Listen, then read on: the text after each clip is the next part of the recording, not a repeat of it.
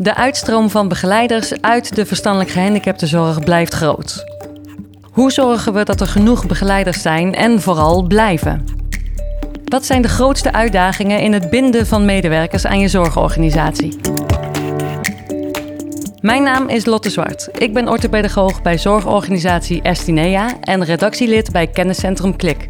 En dit is de Klik Podcast.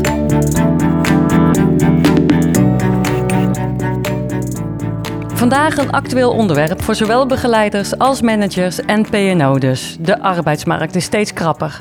Het vinden van begeleiders is moeilijk, maar nog groter wellicht is het probleem hoe binden we begeleiders?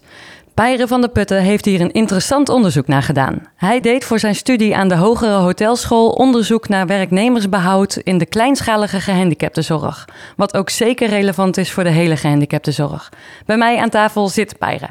Hey, Hoi, hoi Lot. welkom. Dankjewel. Jij bent behalve begeleider ook student aan de hotelschool in Den Haag, waar je onderzoek voor deed. En naast jou zit jouw vriendin Sam. Hoi. Hoi Sam, jij werkt als begeleider in de gehandicaptenzorg. Klopt. Nou, vandaag gaan we het dus hebben over het behouden van begeleiders. Pijre, jij deed hier onderzoek naar, specifiek voor de kleinschalige gehandicaptenzorg. Maar je hebt eh, hotelschool gedaan. Verklaar je nader. Nou ja, het is inderdaad zo. Ik zit op de hotelschool. ehm, maar daarnaast heb ik ook nog een eh, gehandicapte broer, eh Cas. Hij is ehm, meervoudig lichamelijk gehandicapt. En een aantal jaar geleden zijn wij gaan zoeken naar een goede woonplek voor hem. Dat bleek erg lastig te zijn in onze regio, in eh, Midden-Limburg. Vandaar dat we besloten hebben om dat zelf op te pakken, om dat zelf te creëren voor hem. Ehm, ja, zoals ik zei, ik, ik zit op de hotelschool. Ehm, en in eerste instantie zou je denken dat zijn twee werelden die heel veel uit elkaar liggen. De hotelwereld en de wereld van de gehandicaptenzorg. Maar ik denk juist dat die heel dicht bij elkaar liggen. In hotels kijk je, wat, hoe kun je ervoor zorgen dat de kwaliteit ehm, die je levert aan gasten zo, zo groot mogelijk is. En daarbij wordt echt holistisch gekeken naar, ehm, ja, naar, naar de wil van de gast. Dus dat, dat zie je terug in, eh, in de HR, waar ze mensen aannemen die zo goed mogelijk eh, die, die zorg kunnen bieden voor ehm, gasten. En, en bij de front office word je vriendelijk onthaald. Ehm, ik denk dat dat iets is waar de, waar de wereld van de zorg nog heel veel van kan leren. In de wereld van de zorg kijk je naar, de, de- probeer je de kwaliteit van zorg zo optimaal mogelijk in te richten. Ehm, en ik denk dat ze gewoon heel veel kunnen leren van die, eh, van die holistische blik die de, die de hotelwereld heeft. Ja, en, en nu met het eh, eh, arbeidsmarktprobleem in de gehandicaptenzorg, ja, zijn jouw inzichten waarschijnlijk ook eh, wel welkom. Dat is wel wat ik, eh, wat ik terugkreeg, inderdaad, tijdens mijn onderzoek al. Nou ja, zoals ik zei, we willen dus zelf huisvesting voor mijn broer opzetten. Ehm, eerst heb ik dat gedaan door middel van eh, mijn minor, entrepreneurship, waarin ik ehm, heb gekeken naar de, de financiële haalbaarheid, eh, de locatie. Ehm, nou, dat, dat is daarin geregeld. Maar de, de vraag die toen nog eh, restte was ehm, hoe zorg je ervoor dat je de juiste mensen aantrekt, maar ook weet te behouden. En dat scheen een, een heel groot probleem te zijn binnen de gehandicaptenzorg. Dus daar ben ik eh, afgelopen zeven maanden diep ingedoken. Ja, en waarom is het dan zo lastig om mensen te behouden? Nou, er zijn een aantal eh, redenen voor. Momenteel zitten we in een soort domino-effect. Ehm, dat betekent dat de werkdruk heel hoog is. Daardoor gaan er mensen uit de zorg weg. En wordt de werkdruk als het ware nog hoger. Voor die hoge werkdruk die er momenteel is, er zijn een aantal redenen voor. Eentje daarvan is een vergrijzende samenleving. Dus veel mensen die in de zorg werken en die vertrekken. En mensen die vertrokken zijn, hebben op hun beurt ook weer zorg nodig. Dus het, aantal mensen dat verzorgd moet worden, dat neemt toe. Daarnaast is er een alsmaar stijgende administratieve werkdruk. Momenteel zijn mensen in de zorg en in de gehandicaptenzorg ook eh, ongeveer 31% van hun tijd kwijt aan administratieve taken. Eh, dat wordt als erg zwaar ervaren. Ehm, twee jaar geleden bijvoorbeeld was dat nog 25% Ehm, en wat ehm, door werknemers als ideaal zou worden ervaren is 17% Ehm, daarnaast zijn er beperkte doorgroeimogelijkheden, waardoor mensen de sector verlaten en naar een andere sector eh, trekken. Ehm, ook zijn er afgelopen jaren minder managers ehm, behouden binnen de, binnen de eh gehandicaptenzorg. En nou, in, in eerste instantie had het een positief effect, want er, waren, er was meer budget over om aan de cliënt te besteden. Eh, maar op een gegeven moment zag je dat werknemers toch echt wel nood hadden aan managers. Ze moesten bij iemand terecht kunnen om hun problemen te kunnen overleggen. Maar die, die tussenpersoon die, die, ging, die ging daaruit. Dus er was minder tijd per manager te besteden aan, aan werknemers. Ja, en, en door slechte interne communicatie zijn deze problemen heel lastig op te lossen. Ja, naast jou zit, uh, zit Sam, dat is jouw vriendin. Sam, jij, jij werkt zelf in de gehandicaptenzorg. Wat doe jij? Dat klopt. Ik ben momenteel PGB'er en ik heb drie cliënten naast mijn studie. En hiervoor heb ik uh, op een zorgboerderij gewerkt. Oké, okay, dus uh, het reilen en zeilen van het personeel en het personeelsbehoud in de gehandicaptenzorg, daar ben jij wel mee bekend? Ja, zeker. herken jij wat uh, Pijre zegt? Ja, ik heb over het algemeen best wel veel werknemers, dus collega's, zien vertrekken. En dat heeft uiteenlopende reden, maar het is wel allemaal terug te leiden tot de ontevredenheid. En dat is persoonsafhankelijk voor wat iemand belangrijk is. Zo heb ik een collega gehad die kinderen kreeg en heel graag niet meer op zaterdag wilde werken. Maar dat was geen optie, waardoor ze dan maar heeft moeten zeggen dat ze wegging. Mm Want als er moet iemand thuis zijn voor de kinderen, en zeker in het weekend is kinderopvang bijvoorbeeld heel lastig te vinden voor werknemers. Ja, en de beperkte mogelijkheden in het rooster maakten dat zij moest opstappen. Ja, er was geen mogelijkheid dat zij niet meer op zaterdag zou werken. Ja, andere redenen van dat mensen vertrokken? Ja, over het algemeen was het ook wel de doorgroeimogelijkheden. Zo had ik ook een collega die heel graag hogerop wilde. En het moment dat daar een functie voor vrij kwam, werd alleen gezegd: nee, sorry, je hebt maar een MBO gedaan. Dus er is geen mogelijkheid voor jou om binnen ons door te groeien. Terwijl deze collega hier al tien jaar werkte. En toen hebben ze iemand van buitenaf zonder enige ervaring in de zorgsector daarvoor laten komen, wat wel erg lastig was. Wat voor haar ook dus de reden is geweest om ergens anders een andere baan te zoeken, waar ze wel werd gewaardeerd en de mogelijkheden had om door te groeien. En die administratieve werkdruk, herken jij je daar ook in? Ja, die heb ik vooral zelf veel last van, maar ik denk niet dat er zo 1, 2, 3 wat te veranderen aan is, omdat het ook van bovenaf zo wordt opgedragen dat je alles moet verantwoorden. Maar toch is het een, een reden voor veel mensen om uh, te vertrekken. Ja, zeker. Maar dan is het wel ook echt vertrekken buiten de sector en niet zozeer naar een andere zorgorganisatie. Dat is echt volledig verlaten van de zorgsector. Ja. ja. Ja, dit zijn wel belangrijke indicatoren uh, waar de sector uh, iets mee kan natuurlijk als je werknemers wil behouden. Ja, zeker. En ik denk dat als je daar goed op inspeelt, dat je niet alleen werknemers kan behouden, maar ook uit andere sectoren wellicht weet aan te trekken. Ik denk als je de sector als geheel aantrekkelijk kan maken, dat mensen eerder geneigd zijn um, om, toch voor de zorg te kiezen en dat daar ook nog veel te winnen valt. Ja, en Pijre, jij vertelde net over uh, dat de managementlaag er uh, bij veel organisaties uit wordt gehaald. Hè? En dat geeft enerzijds natuurlijk uh, ruimte juist voor het primaire proces, maar aan de andere kant juist ook druk op het primaire proces, waar begeleiders misschien niet altijd op zitten te wachten. Sam, heb jij daar ervaring in? Ja, ik heb daar ook ervaring in. En toen werden wij een zelfsturend team. En was het de bedoeling dat wij bij vakanties zelf de diensten gingen opvangen. En dat we ook bij ziekte gelijk zelf vervanging moesten regelen. Terwijl ik denk dat dat niet aan ons is. Want als ik ziek ben, dan heb ik niet ook echt de tijd en ook de energie waarschijnlijk om nog eens te regelen dat er iemand voor mij gaat invallen.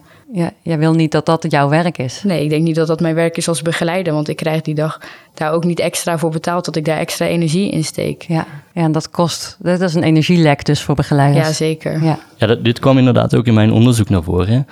Um, die managerslaag die wordt inderdaad weggehaald. Um, en wat je vervolgens ziet is dat uh, de druk op werknemers ontzettend toeneemt. Mensen die moeten zelf hun administratie gaan regelen. Uh, er is geen waardering meer vanuit managers naar werknemers.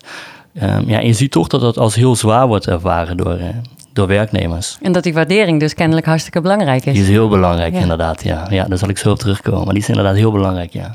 Ik denk dat het ook heel belangrijk is als je met cliënten werkt die zelf de waardering niet kunnen uiten of lastiger staanbaar gedrag hebben, omdat je dan helemaal geen waardering overhoudt als het ware. Dan ben je heel hard bezig, maar is er niemand die die waardering uitspreekt. Ja, ja inderdaad. Ja. Dus des te belangrijker dat er een waarderende manager is, des te belangrijker in de gehandicaptenzorg. Ja. ja, zeker. Ik merk dat ook aan mijn vader inderdaad. Die, uh, die zegt dan ook altijd, dankjewel dat je er was vandaag en uh, ja. tot de volgende keer. Ja. Gewoon dat, dat soort kleine dingen, omdat mijn broer dat zelf ook niet kan, uh, kan uiten. Ja. En volgens mij waren echt, uh, echt, ze daar toch wel echt heel veel waarde aan. En dat zie je ook wel terug. ja, de, de langste die werkt nu 23 jaar bij ons. En iedereen blijft ook gewoon wel echt, echt heel lang. Dus ik denk wel dat het een belangrijke factor is, ja.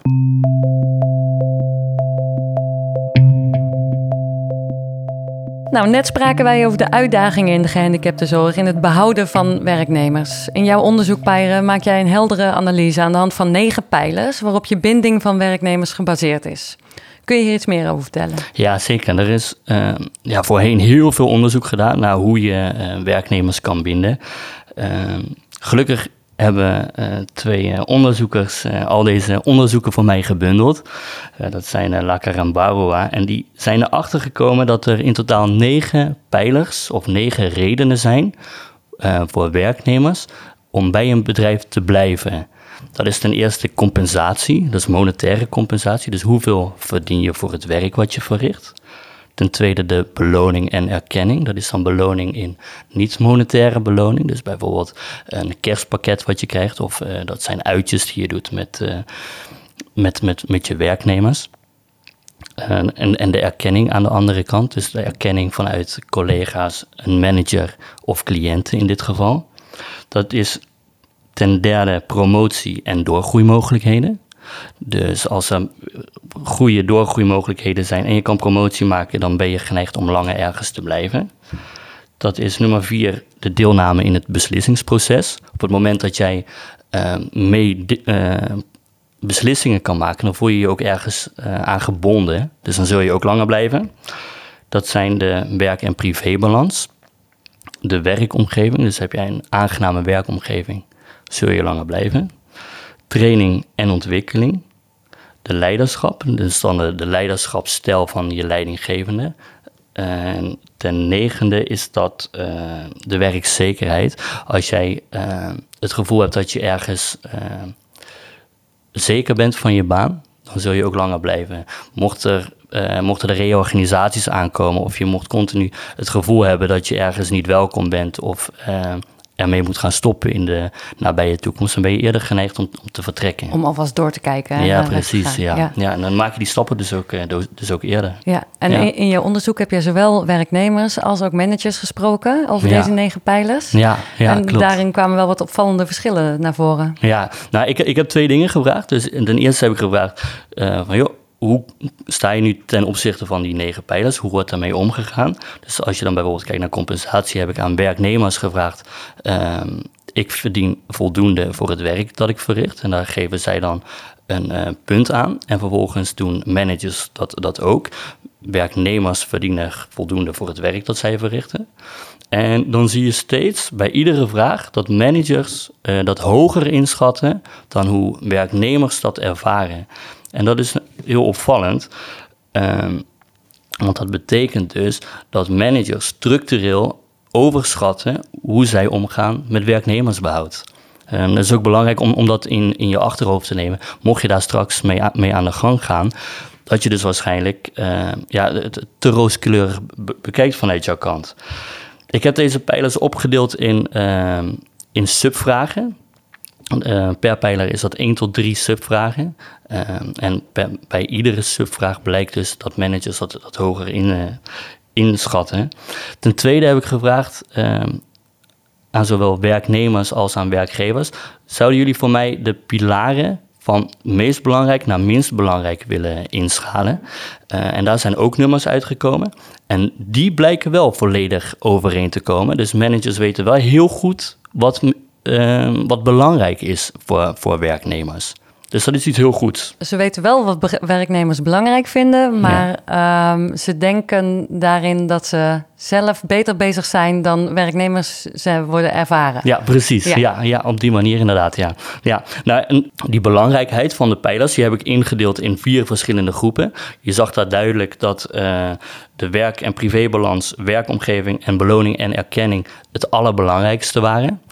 Ten tweede had je de compensatie en de deelname in het beslissingsproces. Die waren ook belangrijk, maar ietsje minder. Uh, ten derde, minder belangrijk zijn de promotie- en doorgroeimogelijkheden. Uh, en de training en ontwikkeling. En het minst belangrijk is de leiderschap en de werkzekerheid. Uh, en dat is dan voor de, voor de zorgsector uh, specifiek. Wat daar wel opvallend is, is dat mensen aangeven dat compensatie dus best wel belangrijk is. Staat op plek 2. Maar tegelijkertijd gaf niemand aan tijdens de interviews in de zorg te werken, omdat ze omdat die compensatie nou zo goed is. Dus dat is heel frappant. Aan de ene kant zeggen ze ja, het is heel belangrijk voor mij. En aan de andere kant zeggen ze ja, de compensatie is dus wel heel slecht. En ik ben erover na gaan denken en ik ben toen tot de conclusie gekomen dat, dat, dat werknemers in de zorg over het algemeen en niet zo'n uh, ruim salaris krijgen. Uh, nou, op, zich vinden ze dat dus niet zo belangrijk. Maar op het moment dat ze dat gaan merken als ze boodschappen gaan doen en ze kunnen niet genoeg uh, producten kopen, dan wordt dat ineens een stuk belangrijker. Dus dan wordt die pilaar wordt belangrijker, maar de perceptie ten opzichte van die pilaar, die neemt af. En het omgekeerde is waar voor de werkzekerheid. Uit het, uh, de enquête bleek dat de helft van de mensen die in loondienst zijn, aangaf in loondienst te zijn omdat ze zoveel belang hechten aan hun werkzekerheid. Dus ze zijn in loondienst voor die werkzekerheid, maar tegelijkertijd zeggen ze dat de werkzekerheid het minst belangrijk is. En wat je daaruit kunt concluderen is dat die werkzekerheid, die is in het algemeen heel groot in de zorg. Ja, die staat het minst op het spel. Precies, die staat het minst op het spel. En, en daarom wordt die ervaren als totaal niet belangrijk, maar hebben mensen wel het gevoel dat, ze, dat die werkzekerheid dat die heel goed zit. En dat is ook heel belangrijk, uh, die twee punten, uh, in, de, in de oplossing waar ik het zo meteen over ga hebben. Uh, dat je dus niks uit het oog mag, mag verliezen. Dus vanuit jezelf zou je zeggen, nou ja, die, die uh, werk- en privébalans, de werkomgeving en de beloning en erkenning, die zijn het belangrijkste. Dus daar zet ik volledig op in. Maar dat moet je dus juist niet doen. Je moet een, een soort mix moet je maken. Maar daar zal ik het zo meteen over hebben. Oké, nou ik ben benieuwd zo meteen, Peire. Eerst eventjes uh, naar Sam, want uh, ja, vertelt net over die negen pijlers... en wat er allemaal belangrijk is, juist voor jou om te blijven in de zorg. herken jij je daarin? Ja, ik herken mezelf wel in de meeste pijlers. En ik zou ze denk ik ook wel ongeveer in diezelfde volgorde invullen. Zeker omdat werkzekerheid is natuurlijk wel belangrijk. Maar zeker op dit moment, als de prijzen zo stijgen, dan denk ik toch, ja, als ik zou moeten kiezen, is inderdaad die, gewoon het geld, om het zo maar te zeggen, wel wat belangrijker. Want ik moet zelf ook gewoon rondkomen. Ik moet ook mijn boodschappen doen. En dat wordt het automatisch dan wel steeds belangrijker. Terwijl ik denk, als ik hem misschien twee jaar geleden zou hebben ingevuld, dat ik hem anders zou hebben ingevuld dan nu. En hoe belangrijk is die erkenning bijvoorbeeld? Ja, die is natuurlijk heel erg belangrijk. Want je zit in een beroep met mensen, juist omdat je dan ook het menselijk contact hebt. En ik denk dat erkenning daar wel een belangrijk onderdeel van is. Vooral die waardering. Zijn er ook dingen in die pijlers die voor jou wat minder uh, belangrijk zijn? Ja, ik denk dat de doorgroeimogelijkheden bijvoorbeeld voor mij wat minder interessant zijn. Jij zit goed zoals je bent. Ja. Ja. Maar voor de meeste mensen dus wel heel belangrijk. En voor de meeste organisaties uh, een goed punt om mee te nemen. Mm -hmm, zeker, ja. Sam, jij hebt net verteld over uh, wat voor jou belangrijk is. Welke pijlers voor jou uh, belangrijk zijn. Op zich heb jij waarschijnlijk ook wel mooie input kunnen leveren, Pijren, voor, voor jouw onderzoek. Ja, fantastisch inderdaad, ja. Nou ja, Sam die heeft, die heeft gewoon heel veel ervaring in de gehandicaptenzorg. En nou, toen ik hiermee aan de slag ging, toen... Nou, dus Sam die was natuurlijk de eerste aan wie ik kon vragen van... joh, herken jij je in deze pijlers? Net, net zoals jij hebt gevraagd. Um, maar daarnaast, um, ja, omdat ze zoveel praktijkervaring heeft... kon ze ook heel goed die link leggen tussen die, die droge theorie van, uh, ja, van die pijlers... om die connectie te maken met, met de zorg. En ja, ook aan te geven van... joh, in het algemeen is dit inderdaad belangrijk... maar probeer die... probeer die vertaling goed te maken naar de zorg. Ja, en da daar heeft Sam gewoon heel goed mee kunnen, bij kunnen helpen, inderdaad. Ja. Gewoon door, uh, door er op een luchtige manier met elkaar over te praten, zijn we toch echt wel tot diepere inzichten uh, weten te komen. Ja. Ja, en, en die theorie, die negen pijlers. Ja, als ik jou zo hoor vertellen erover en, en uh, Sam, wat jij erover vertelt, ik vind het ook heel erg herkenbaar. He, je, je, je, je, je ziet jezelf meteen op je werk wat, je, wat voor jou belangrijk is. Hè? Ja, precies, ja. Dat, dat had ik inderdaad ook heel erg. Ik, ik heb dan heel veel in de, in de horeca gewerkt en ik denk dan gelijk aan mijn ervaringen in de horeca. En ja, voor Sam zijn dat dan de ervaringen in de zorg, maar en, en, iedereen zal dit inderdaad waarschijnlijk op zijn eigen manier interpreteren. Met, met zijn maar eigen... Het is universeel. Ja, het is universeel inderdaad. Ja. Ja, ja. ja. En dan nu toegepast op de, op de kleinschalige zorg. Ja. Ja, maar toen jij net begon, toen vroeg je gewoon de vraag... waarom werk jij in de gehandicaptenzorg en waarom blijf je daar? En toen had ik eigenlijk niet echt een antwoord. Dus had ik een beetje van, ja, dat weet ik eigenlijk niet. Maar toen je aankwam zetten met die pijlers... toen kon ik wel zeggen, oh ja, want dit en dit is inderdaad voor mij belangrijk. Die zou ik wat meer naar beneden gooien... En toen kwam het wel een soort van negen kleine stukjes tot één grote puzzel waarom ik in de zorg blijf werken. Ondanks en- dat er wel dingen zijn waarvan ik denk, die kunnen anders. Ja. Ja, en er zijn voor jou waarschijnlijk ook redenen waarom, ben jij, waarom jij bent overgestapt van een eh, zorgboerderij naar een PGB. Ja, zeker. En dat is misschien ook te linken aan een van die pijlers. Ja, over het algemeen werk. Natuurlijk heb je altijd nog je persoonlijke omstandigheden. In dit, mijn geval bijvoorbeeld een studie. Maar zeker ook omdat je veel meer vrijheden hebt op eh, basis van PGB. En ook natuurlijk flexibelere werktijden.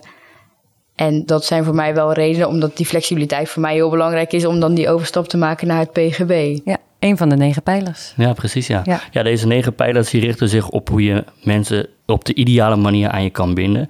Maar zoals Sam zegt, er zijn inderdaad ook nog externe factoren. Je kan bijvoorbeeld verhuizen of een bepaald eh, beroep uitoefenen omdat je ergens stage loopt. Dus er zijn ook externe factoren eh, waar je als werkgever geen invloed op hebt.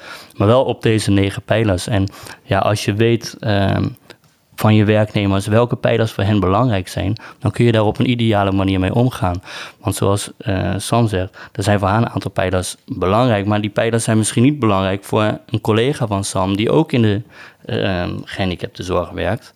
En als je dat weet, dan kun je daar ook op een bepaalde manier op inspelen. Kun je dus eigenlijk voor iedere werknemer persoonlijk een, een, een soort van bindingsstrategie bedenken. Ja, met, een, met ieder zijn eigen prioriteitenlijst. Ja, precies, ja. ja, ja. Ik denk dat je die ook wel heel vaak moet uh, bijstellen. Want op een gegeven moment komt iedereen in een andere levensfase. Iemand die nog studeert en part-time wel graag wat nachtdiensten wil draaien. Die komt op een gegeven moment klaar met studie, wil meer vastigheid. Die gaat misschien dan naar een dienstverband terwijl ze kinderen hebben. Terwijl ze juist wat meer uh, overdagdiensten willen draaien. Naar iemand die misschien wel weer uitstroomt naar weer flexibel kan zijn. Dat Ja. dat ook steeds moet kijken waar staat iemand nu. En dat frequent moet gaan overleggen. Oké, ben je nog tevreden met hoe het nu loopt? Of wil je juist een verandering zien? Dat je het niet iets als eenmalig moet zien, maar als een heel doorlopend proces. Ja, ja, dat is zeker waar inderdaad. Eh, die pijlers die zijn niet statisch, maar die veranderen continu over de tijd. Die veranderen omdat de samenleving verandert, maar ook omdat je in een andere eh, levensfase terechtkomt, zoals Sam zegt inderdaad, ja.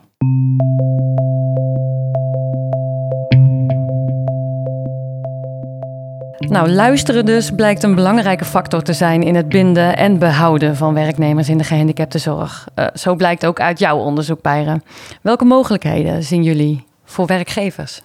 Nou, ik denk dat als werkgevers weten hoe ze op deze pijlers in kunnen spelen, dat ze dan uh, op de ideale manier werknemers aan hun bedrijf kunnen binden. Uh, ik heb daar een strategie voor bedacht. Dat heet de werknemersbindingsmix. Um, en daarbij is het belangrijk om dan even terug te denken aan die twee pijlers: uh, compensatie en uh, werkzekerheid. Compensatie is eigenlijk niet zo belangrijk, maar blijkt dus toch belangrijk te zijn voor, voor werknemers op het moment dat dat uh, ja, te laag wordt. En die werkzekerheid, die is heel belangrijk, maar die wordt heel laag ingeschat omdat, die, ja, omdat mensen nu heel zeker zijn van, van hun werk.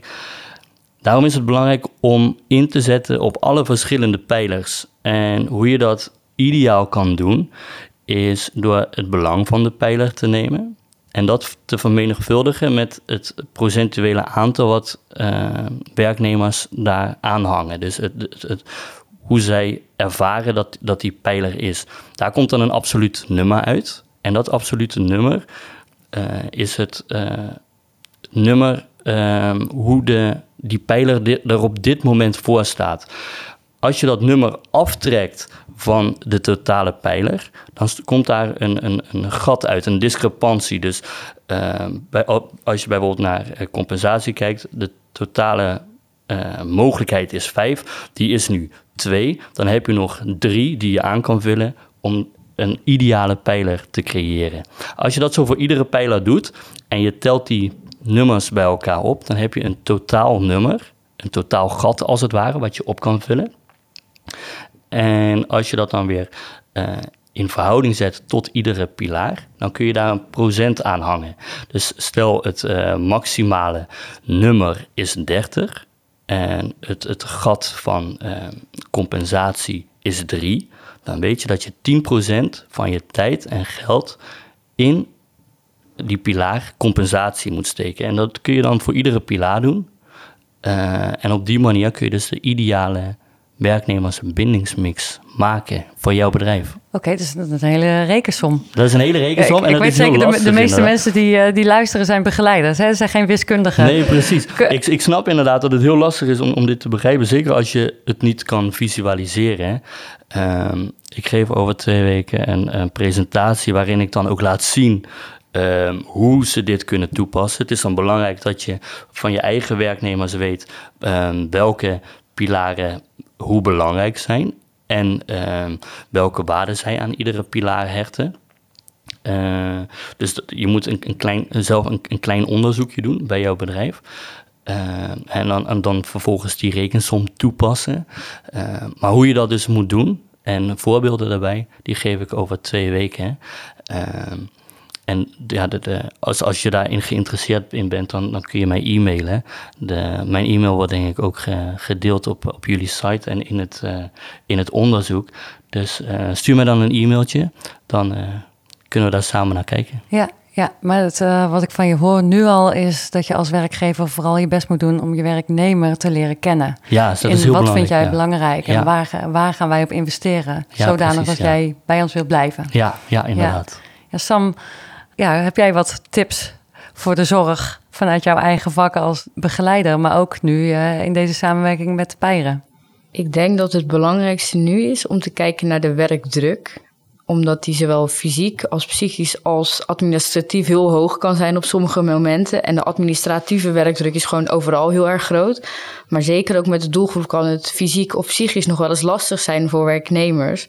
En als er dan weinig steun is vanuit werkgevers, weinig opvang is, dan wordt ook dat ziekteverzuim verhoogd. Waardoor ook weer die, dat domino-effect wat beide net noemden versterkt. En dat dan ook zeg maar, daarmee het welzijn van de werknemers bovenaan komt staan.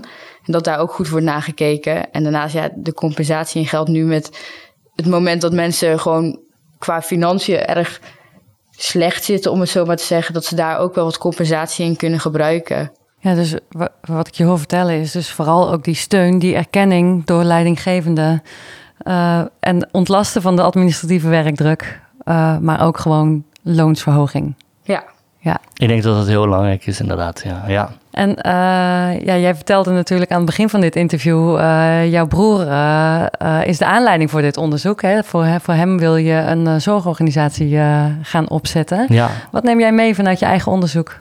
Nou, ik denk dat het heel belangrijk is om.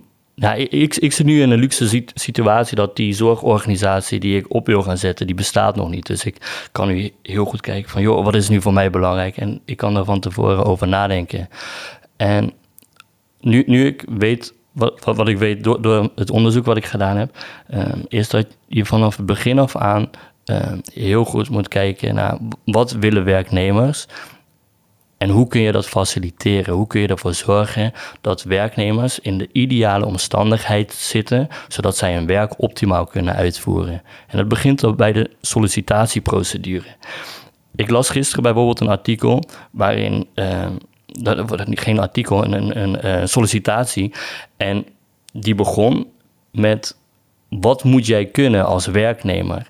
Maar je zou het ook kunnen omdraaien. Wa- Wat kan ik jou bieden als werkgever? Zodat een werknemer het gevoel heeft dat hij in een soort warm bad terechtkomt. In plaats van denkt, ik voldoe niet aan deze functie-eisen, dus ik ga ook maar niet solliciteren. Daar schrik je al heel veel mensen mee af. Eh, dus ik denk dat het belangrijk is om te laten zien wat jij kan bieden. Eh, ja, en dat, dat je blijft monitoren, zoals Sam ook zegt, dat je eh, ja, go- goed blijft communiceren met je, met je werknemers. Dat doe je ten eerste om de goede vragen te stellen, ten tweede door te luisteren en ten derde door dat te implementeren. En ik denk dat, dat, dat het heel belangrijk is om dat continu te blijven doen. Om jezelf op die manier continu te verbeteren op dat vlak. Ja, dus investeer echt in het welbevinden van je medewerkers. Ja. Dat neem jij mee. Dat is het belangrijkste voor mij inderdaad. Ja. Ja. En ik denk eigenlijk voor alle medewerkers in de gehandicaptenzorg. Of niet, Sam? Ja, ik denk ook dat we heel erg meenemen, omdat we in die luxe positie zitten, dat we nog geen werknemers hebben aangenomen, dat we gaan kijken naar een diverse groep werknemers. Want als je alleen maar werknemers hebt die graag willen doorgroeien, dan wordt het binnen een kleine organisatie ook erg lastig. Dus als jij een werknemer hebt die het belang van flexibiliteit hebt, dan is dat heel goed te combineren met iemand die wat minder flexibel is, maar bijvoorbeeld de training en ontwikkeling heel belangrijk vindt. Zodat ze elkaar ook goed kunnen aanvullen en dat je mensen hebt die niet allemaal hetzelfde willen. Want je kan niet tien werknemers hebben die allemaal flexibel willen zijn. Nou ja. Ja. Dus het prioriteitenlijstje van je verschillende werknemers moet uh, een beetje afwijken van elkaar. Dat zou ideaal Ja. zijn, Ja. ja. ja. Ja. Ja, dat kan lastig zijn om eh, daaraan tegemoet te komen, omdat er natuurlijk een krapte is op de arbeidsmarkt. Maar idealiter zou je dat wel doen, inderdaad, ja. Ja, ik zie natuurlijk ook rondom mij dat, dat die tekorten, die, die lopen steeds maar op. En nou, ook mijn, mijn broer, die, die leidt er bijvoorbeeld onder. Dus ik heb daar ook een persoonlijk belang bij dat dat op wordt gelost. En iedereen inderdaad. Dus het zou fantastisch zijn als, eh, nou, als mensen in ieder geval zich bewust worden van de redenen waarom werknemers blijven. En ja, ik denk dat als je je daarvan bewust bent, dat je dan ook al veel beter daarmee aan de, aan de slag kan gaan. Hiermee zijn we aan het einde gekomen van deze podcast. En de conclusie is eigenlijk: wil je goede zorg leveren, dan is zorg voor je werknemers elementair. Weten wie zij zijn en wat zij belangrijk vinden. En investeren in iedere individuele werknemer. Luisteren dus. Pijre en Sam, hartelijk dank dat jullie er waren. Jullie bedankt. Ja, super bedankt voor jullie inzichten. Op onze website klik.org vind je ook een artikel met een link naar het onderzoek van Pijre en ook daar vind je zijn e-mailadres. Abonneer je op de Klik podcast om zo op de hoogte te blijven van nieuwe afleveringen en vergeet niet om een review achter te laten via je favoriete podcast app. Je kunt ook je ideeën en reacties mailen naar redactie@klik.org. Want wij zijn natuurlijk heel benieuwd wat jij ervan vindt. Bedankt voor het luisteren en graag tot de volgende keer.